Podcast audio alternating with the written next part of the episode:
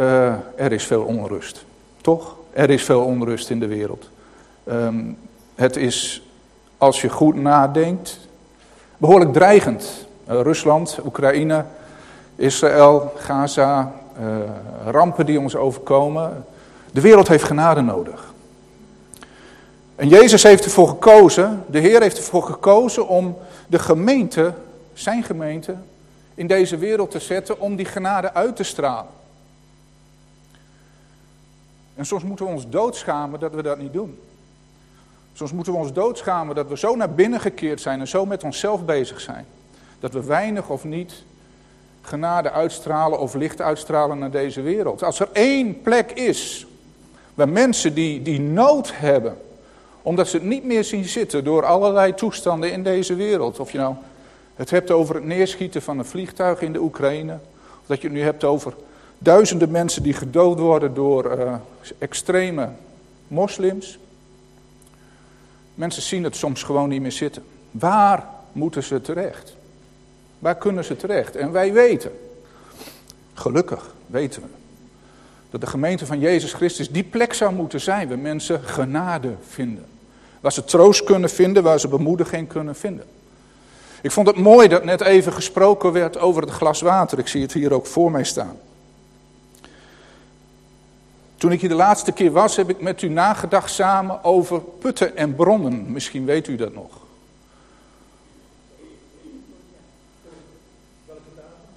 Uh, ja, dat weet ik niet meer. ik, ik, weet niet meer wanneer het uh, ongeveer is geweest. Ja, mijn moeder moet het weten. Want zij zat op Kreta toen. Mijn moeder ja, want mensen vroegen mij toen van waar is je moeder? En toen zei ik, zij ligt op Kreta. Zei. Ik weet niet meer precies welke datum het was, maar ik heb toen gesproken over Isaac uit Genesis uh, 26. Isaac die, uh, die bronnen zocht. En, en zijn vader Abraham had bronnen aange, aangegraven en die had bronnen gemaakt, de putten gegraven. Vers water, hè, dat, staat voor het woord van God, voor het woord van de Heer, voor zijn leven wat hij ons geeft. En die bronnen die werden door de Filistijnen dichtgegooid. En misschien kunt u zich herinneren, Filistijnen, als je dat woord vanuit het Hebreeuws vertaalt, dan zou je het kunnen vertalen, een beetje gek woord met stofrollers. Dus Filistijnen, uh, stofrollers, dat zijn zeg maar uh, machten, krachten, die zich bezighouden met de dingen van deze wereld, het stof zeg maar, en daarmee dus aarde, daarmee putten dichtgooien. En misschien kunt u zich nog herinneren dat, dat Isaac, die ging niet in de put zitten, maar die ging die putten ging die weer openmaken. Maar er kwamen er vervolgens herders en die gingen ruzie maken, die put is van ons. En uh, Isaac die ging weer weg en die ging nieuwe putten zoeken. Hij bleef zoeken naar water. Dat was een kern van de boodschap. Een andere kern van de boodschap was dat hij die putten ook namen gaf. En dat het ook te maken heeft met de manier waarop uh, de machten van deze wereld, de, de, duistere machten, of hoe je het ook wilt noemen, de, de geestelijke machten ons proberen te ontmoedigen. De energie uit ons te trekken. De eerste bron, ik, ik gebruik het even als inleiding, ik wil graag straks met u verder even nadenken hier nog weer over. De eerste bron die, uh, die dichtgegooid werd, die noemde Isaac Ezek. En dat betekent druk zetten, twisten. Er is twist, er is oneenigheid en dat haalt je weg bij de bron. Dat gooit je bron dicht en je, kunt, je, je ziet het water niet meer helder. Het is, het is dichtgegooid. De tweede heette Sitna. En Sitna betekent tegenstand of beschuldiging. Ik heb toen ook gezegd, van soms kan, kun je zo onder druk gezet worden, of zo beschuldigd worden, of zo uh, onterecht behandeld worden, tegenstand ervaren, dat je je bron kwijtraakt. Dat je put als het ware is dichtgegooid. En de boodschap was dat Isaac niet uh, hardnekkig probeerde om dan maar weer die bron terug te krijgen of iets dergelijks. Maar dat hij verder ging en nieuwe putten ging aanboren. Hij bleef op zoek naar het woord van God. Dat is belangrijk. Hij bleef op zoek naar het woord van God. Uiteindelijk graaft hij een put en die noemt hij Rehobot. En Rehobot betekent ruimte. En hij zegt dan ook, eindelijk heeft de Heer ons ruimte gegeven. Dat is mooi. Daar had hij ook vrede en rust. En vervolgens graaft hij nog een put en die heet Sheba. En Sheba heeft te maken met Sabbat. En de Sabbat heeft uiteraard te maken met rust. Dus ruimte en rust. Dat is eh, uiteindelijk waar Isaac terechtkomt, omdat hij volhardt in het zoeken naar de bron. Hij volhardt in het zoeken naar de Heer. En als wij één boodschap hebben voor deze wereld, en als wij op zoek zijn naar genade, en als we misschien soms zelf in vertwijfeling zijn of niet meer weten waar we het moeten vinden, is het belangrijk dat we weten dat we altijd moeten blijven zoeken naar de bron. Jezus Christus uiteraard, die onze bron is. We moeten putten uit de juiste bron. Want ik kan u zeggen uit eigen ervaring, ook veel dingen die ik natuurlijk gezien heb in mijn nog jonge leven, maar ook uit ervaring, dat je soms zo afgeleid kunt worden dat je allerlei dingen zit te bedenken en te zoeken en hoe zit het nou en wat moet ik er nou mee? Je praat met mensen, allerlei zaken probeer je eh, eh, een weg in te vinden en dat kan je in verwarring brengen, je weet het niet. En God zegt, zoek vooral in de bron, zoek vooral in mijn woord. Er zijn veel bronnen in deze wereld. Heel veel bronnen. Uh, een van de grootste bronnen in deze wereld is Google, hè, het, het, zoek, zoekmachine. Je kunt het zo gek niet bedenken, je typt het even in en je vindt miljoenen hits, zoals ze dat noemen. Hè. Miljoenen, uh, ik weet niet eens wat het Nederlandse woord is, wat erg is dat. Hè. Een miljoenen uh, dingen komen er dan. Uh, dan kun je allemaal kijken. Uh, wil je een keer iets anders met kip maken? Iets anders met kip. En je krijgt een hele lijst met dingen die je al duizend keer gezien hebt. Dat is de, een grote bron. En, en je kunt zoeken wat je wilt, je kunt vinden wat je wilt. Maar er zijn ook zoveel meningen daarop. Hè? Je kunt te kust en te keur. Als je een beetje links bent, ga je een beetje naar links. En als je een beetje rechts bent, ga je een beetje naar rechts. Je kunt er voor alles terecht. Het nieuwsbronnen, de televisiebronnen, allerlei dingen die je kunt lezen. Duizenden boeken, u kunt ze daar gratis krijgen. Hebben we een aanhangwagen mee, uh, Mams? Voor de boeken? Nee, oké. Nee we laten het graag aan u. Uh, er zijn duizenden bronnen. Ik wil graag even met u lezen. Een gedeelte uit Deuteronomium 8, want ik wil graag met u samen nog even verder denken, nadenken over dit gegeven. Deuteronomium 8, vers 7.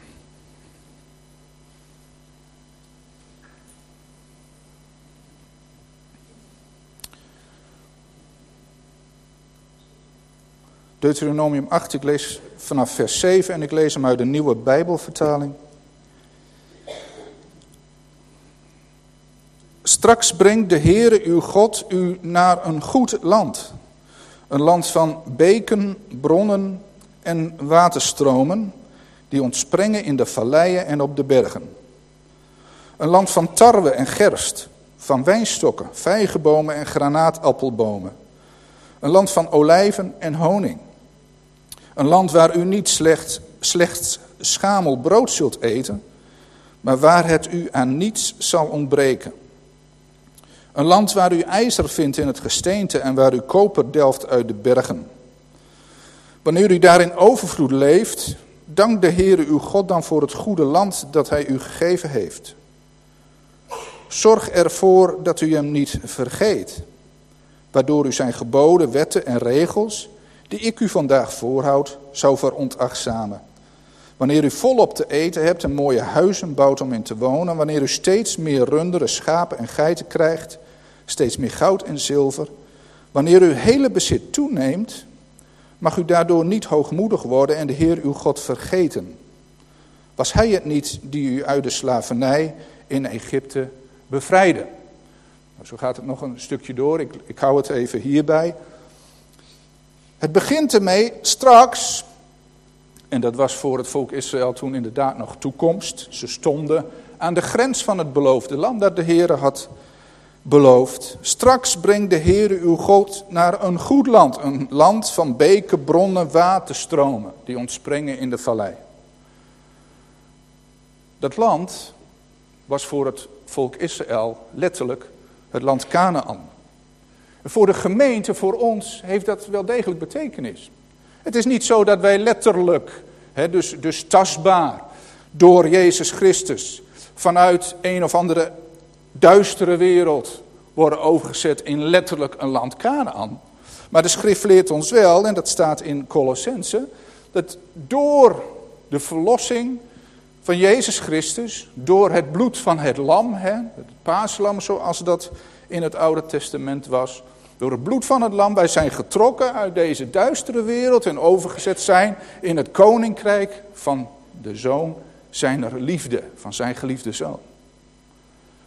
Dus u bent, als u in Jezus Christus gelooft, als u wedergeboren bent, bent u niet meer in het koninkrijk van de duisternis, maar bent u overgebracht in het koninkrijk van het licht. U bent in Canaan. En wat de Heer met u gedaan heeft, hij heeft u gebracht. En dat is dus anders dat, dan hier staat voor, voor Israël toen nog toekomst. Straks brengt de Heer. Nee, hij heeft u gebracht in een goed land. Amen. Hij heeft u gebracht in een goed land. Hij heeft u gebracht in een land van beken, bronnen en waterstromen. U bent nog niet zo enthousiast. En denk hoe, hoe komt dat nou? Zien we ze niet? Ervaren we ze niet? Je bent in het koninkrijk van de zoon van zijn liefde. En eigenlijk heeft de Heer in dat koninkrijk waarin je gebracht bent, waarin hij je gezet heeft, alles gegeven wat je nodig hebt. Alles gegeven wat je nodig hebt. Het ligt voor het grijpen. Het is het woord van God waar we naar kunnen grijpen, maar natuurlijk ook zijn geest, zijn heilige geest die hij in ons gegeven heeft, zijn leven, Jezus Christus zelf. En wat doen wij vaak? Ja, we gaan, we gaan als, als er dingen gebeuren, misschien in de gemeente, misschien in de wereld om ons heen of in ons werk. Het is geen makkelijke tijd geweest hè, vanaf 2008 door de economische crisis. We schijnen er nu een beetje uit te komen. Zoveel mensen hebben toch financiële problemen. Problemen met hun werk. Ja, we, we, we raken onrustig. We raken van slag. En de Heere zegt al, ook als we het hebben over oorlogen en zo, zegt hij al in Matthäus van je zult horen van oorlogen, geruchten van oorlogen. En wat zegt de Heer daarbij? Laat je daardoor niet veronderusten. En daar wil ik toch eventjes bij stilstaan, want uh, laat je daardoor niet veronderusten, dat betekent niet dat je er geen pijn van mag hebben. Dat betekent niet dat je er geen verdriet van mag hebben. Als er dingen gebeuren. Dat betekent niet dat je er last van mag hebben of dat je er wakker van moet liggen, uh, dat je er niet wakker van moet liggen. Dat betekent dat niet. Je er niet door laten veronrusten. In de Statenvertaling staat, volgens mij als ik het goed herinner, verwonder u daar niet over. Verbaas je er niet over. Want, en nu spreek ik even de taal die mijn kinderen ook spreken, shit happens. Ja, je lacht erom, maar zo is het wel. Shit happens. Wij hebben niet altijd invloed op wat er om ons heen gebeurt. Wij hebben daar geen invloed op. We kunnen nachten wakker liggen over extreme moslims die de hele wereld willen bekeren. Maar we hebben er geen invloed op. Ja, door gebed, uiteraard. Hè, volhard in gebed, zegt de Heer ook. Hè. Bid vooral. Maar we hebben er geen invloed op. Waar we wel invloed op hebben, is wat wij ermee doen. Toch? U bent de enige, u, u bent de enige die beslist wat u ermee doet in uw hart. Welke bron boor je aan? Ik ga even met u naar uh, Colossense 1 vers 13. Oh, die heb ik net geciteerd. we zijn getrokken uit de macht van duisternis en zijn overgezet in het koninkrijk van zijn zoon. We hebben daar dus alle bronnen voor handen. En Jezus zegt ergens anders van het koninkrijk, ik breng je in een goed land, hè, eh, staat hier, van het koninkrijk, dat zijn koninkrijk niet van deze wereld is. Dat is in Johannes 18, vers 36. En wat de Heer er eigenlijk zegt, is dat hij zegt, mijn koninkrijk waar je in bent gebracht, Dat is, dat is niet hetzelfde als een wereldskoninkrijk. Daar gelden niet dezelfde regels. Het gaat namelijk helemaal niet om macht in het koninkrijk. Het gaat er niet om wie de eerste is. Want vele eerste zullen de laatste zijn. Het gaat er niet om wie de rijkste is. Want wie arm is, die zal verrijkt worden. Hè? Het gaat er niet om wie het sterkst is. Of wie het beste is. Of wie dingen het beste kan. Want de Heer geeft immers. De Heer maakt bekwaam, laat ik het zo zeggen. Het is een heel ander koninkrijk. En binnen dat koninkrijk zegt de Heer, put uit mijn bronnen. Gebruik mijn bronnen. De boodschap van dit eerste punt, hè, ik breng u in een goed land, is dat ik u op het hart wil drukken. Besef wat er ook gebeurt. U bent in een goed land gezet door de Heer. Geniet ervan. En vergeet vooral niet dat de Heer u daar heeft gezet, staat in dit gedeelte. Vergeet niet dat het zijn genade is geweest. En zijn, zijn bloed dat heeft gevloeid. Zijn opstandingskracht die u heeft gebracht in die nieuwe omgeving. Beseffen we ons dat wel? In een ander gedeelte in de Bijbel staat dat wij niet, of dat wij, uh, dat wij door de opstanding van Jezus Christus mede gezet zijn in de hemel in Christus. Ik weet niet of je dat wel eens gelezen hebt, er staat in Efeze. Uh, ik, ik, citeer nu de, de Nederlandse Bijbelgenootschapvertaling, maar we zijn geplaatst door de opstanding van Christus en door zijn hemelvaart hebben wij een plek in de hemelse gewesten. En op een andere plek staat dat wij burgers zijn van een rijk in de hemelen. Dus dat betekent dat onze bron in de hemel is. En dat wij verbonden zijn met die levende Heer. En toch leven wij vaak alsof dat allemaal nog heel ver weg is en toekomst. Net of we het nog moeten verdienen. Of dat we het nog moeten ja, eh, verwerven door, door veel gebed of dat soort dingen. Ik wil u op het hart drukken en, en ik, ik blijf daar ook altijd op hameren. De Bijbel zegt dat we in Jezus Christus die positie hebben. Laten we dan ook leven, zegt Paulus op een gegeven moment. Laten we dan ook leven als die positie hebben. Laten we dan ook leven vanuit, vanuit het hemelse koninkrijk. Vanuit de rijkdommen die Christus geeft. En net als ik zei, de wereld om ons heen. En wat andere mensen doen. En wat er gebeurt, daar hebben we geen invloed op. Maar hoe we er zelf mee omgaan wel. En ik wil daar toch nog even één ding bij zeggen, daar dacht ik ook nog aan. De kerk, en dan praat ik even over de historie. De kerk heeft eeuwenlang de ogen gesloten voor wat er buiten de kerkmuren gebeurde. Dat is gewoon waar. En toen, toen een grote, uh, en dat steekt mij wel eens, ik kan er niks aan veranderen, dus wees gerust, ik lig er niet van wakker. Het steekt mij wel eens dat juist in de tijden dat de wetenschap uh, het Darwinisme en al dat soort dingen zijn op, uh, enorm groot werden. Dat de kerken eigenlijk een beetje de rug toekeren van nou zij zijn dom en wij weten het beter. Uh, had het anders gemoeten? Ik denk nou, was de discussie maar eens aangegaan. Misschien hebben mensen dat wel gedaan.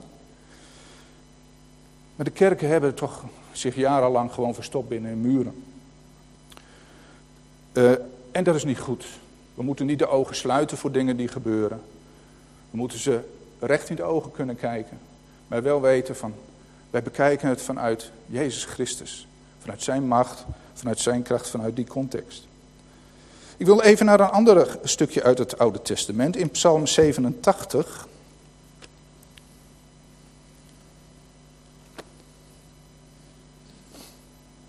Vers Nou, het is een mooie psalm. Ik lees hem even helemaal. Het is een niet zo'n lange hoor. Uh, psalm 87. Van de Koragieten een psalm, een lied. Boven alle steden van Jacob heeft de Heere de poorten van Sion lief. Sion, uh, even tussendoor, Sion, de stad Gods. De stad van de grote koning, Sion. Dus een uitbeelding, zeg maar, in het Oude Testament van het rijk van onze Heer Jezus Christus, zijn koninkrijk. Sion. Boven alle steden van Jacob heeft de Heer de poorten van Sion lief, zijn vesting op de heilige bergen. Van u wordt met lof gesproken, stad van God. Ik noem Ragab en Babel mijn getrouwen. Philistia, Tyrus en Nubië zijn allen hier geboren. Met recht kan men van Sion zeggen, welk volk ook, het is hier geboren. De Allerhoogste houdt Sion in stand. Bij de namen van de volken schrijft de Heer, dit volk is hier geboren. En dansend zingen zij, mijn bronnen zijn alleen in u. En een hele bekende kaartjestekst hè, is die van de MBG. Al mijn bronnen zijn in u. Nou, over deze psalm valt heel veel te zeggen. Heel kort eventjes wat hier eigenlijk staat van wat het ook is, volkeren, alles is van oorsprong uit God voortgekomen. Alles is uit Sion gekomen, dat is wat je hier leest. Uh, en dansend zingen zij, mijn bronnen zijn alleen in u. De vraag is, kun je dat ook zeggen? Mijn bronnen zijn alleen in u. Nu kun je dit uitleggen en als je het in de staatvertaling leest, lees je het ook zo. Mijn bronnen zijn alleen in u, mijn bronnen zijn alleen in Sion. Mijn bronnen zijn alleen in het hemels koninkrijk. Mijn bronnen zijn niet allerlei mensen met allerlei meningen. Of, of internet. Of uh, Knevel en Van de Brink. Of Pauw en Witteman. Of weet ik veel. Dat zijn niet mijn bronnen. Ik kan het interessant vinden. Dat is wat anders. Ik zeg niet dat u er niet naar mag kijken. Doe dat vooral. Laat je informeren zou ik maar zeggen. Maar de bron, dat, dat het glas water, dat waaruit je drinkt. Wat je naar binnen haalt, waar je energie en je leven uithaalt. Dat is in Sion. Dat is bij God. Daar moet je je laven. In Colossense 2, vers 2 tot 4, een schitterend gedeelte, um, staat. Uh, ja, ik wil het toch even opzoeken. Ik heb het hier wel staan, maar dat is een, een stukje daarvan. Uh, Colossense 2, vers 2 tot 4. Dat is zo'n tekst die moet u uit uw hoofd leren, zou ik zeggen. Colossense 2.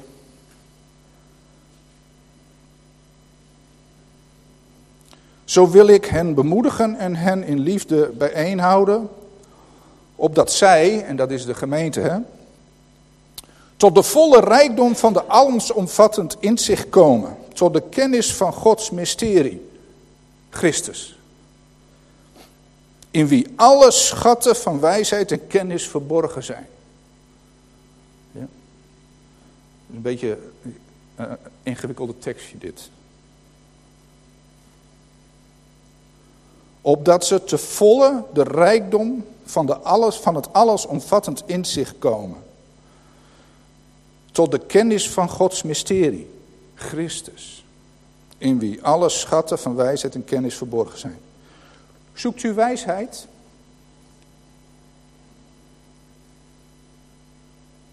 Zoekt u wijsheid, waar moet u dan zijn?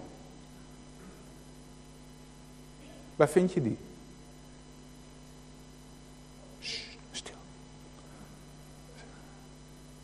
Christus. In wie alle schatten verborgen zijn. Zoekt u schatten? Zoekt u rijkdommen? Waar moet u zijn? Christus. Waar is Christus? Waar vindt u Jezus? We zingen dat hij in ons hart is. Dat is heel dichtbij. We zingen dat zijn geest in ons is, heel dichtbij. Staat ook in het woord van God. We zijn gezet in een hemels koninkrijk. Wie zit daar op de troon? Jezus. Wie is het levende woord? Jezus. Alle schatten van wijsheid en kennis zijn verborgen in Christus en hij heeft het ons geopenbaard in zijn woord. Alle schatten van rijkdom, van wijsheid en kennis.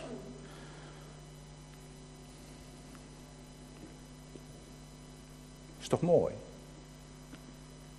Helemaal geen Google nodig. Is toch mooi? Hebt u wijsheid nodig? Gods woord. In Galaten 1, vers 16 vertelt Paulus dat wat hij deed toen hij tot geloof kwam. Hij heeft uh, christenen vervolgd, gedood, in de gevangenis geworpen. Paulus. Toen op een gegeven moment greep de Heer in, greep hem in zijn nekvel. En Paulus werd blind. Dat is een mooi symbool, hè? Je moet eerst blind worden om volgens te kunnen zien. Paulus werd blind en hij, hij, hij bad en hij, uh, hij zocht genezing en, en genade, zocht hij vooral. Dat is niet niks wat hij had gedaan. Hij noemt zichzelf ook de grootste van alle zondaars. En wat zegt Paulus in Galaten 1 vers 16? Toen de Heere mij genade had bewezen en mij de opdracht had gegeven om zijn evangelie te verkondigen, ben ik niet te raden gegaan bij vlees en bloed. Staat in de staatvertaling. Ik blijf het nog steeds mooi vinden. Staatvertaling. Toen de Heer mij geroepen heeft, heb ik geen raad gezocht bij, bij vlees en bloed. In de nieuwe Bijbelvertaling staat, ik heb toen geen mens geraadpleegd. En wat, wat doen wij vaak in nood of wat dan ook?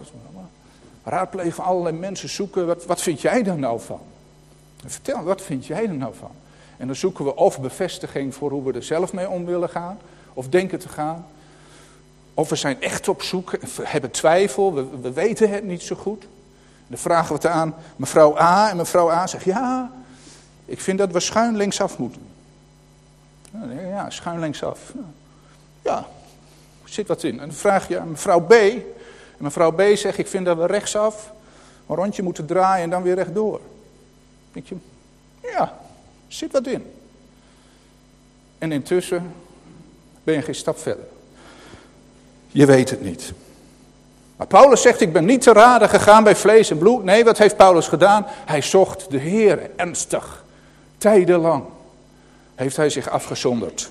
Heeft hij het woord van God onderzocht? Nou, hij wist er een heleboel van. En heeft hij gekeken en gezocht naar de, de, de waarheid van de Messias in het Oude Testament dat hij zo goed kende. En toen hij, toen hij vervuld met de geest zijn dienst begon, was er een krachtig woord. Hoewel het scheen dat hij niet zo'n goede spreker was. Hij had een krachtig woord. En er kwamen mensen tot geloof. Wat doet u? Als je het weet. Hè?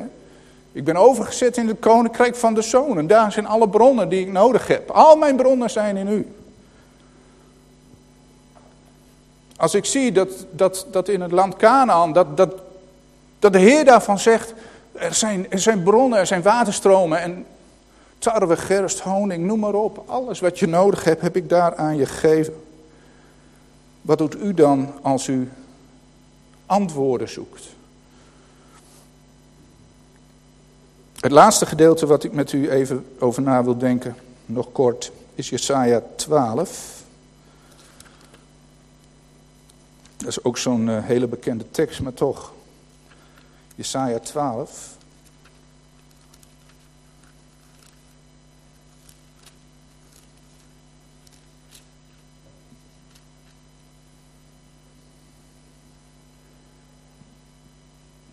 En ook dat is een kort hoofdstukje. Ik wil dat ook graag even helemaal lezen. Het zijn zes versen. Dat is ook uh, een soort profetie. Hè? Dus het gaat over de toekomst. Toen bij het volk Israël. Op die dag zul je zeggen: Ik zal u loven, Heer. U bent woedend op mij geweest, maar uw toorn is geweken. U troost mij. God, Hij is mijn redder. Ik heb een vast vertrouwen, ik wankel niet. Want de Heer is mijn sterkte, Hij is mijn beschermer, Hij heeft mij redding gebracht. En dan komt de tekst waar het mij om gaat. Vol vreugde zullen jullie water putten uit de bron van de redding. Ja, staat de vertaling opnieuw, de bronnen des heils. Dat vind ik wel mooier, hè? De bronnen des heils.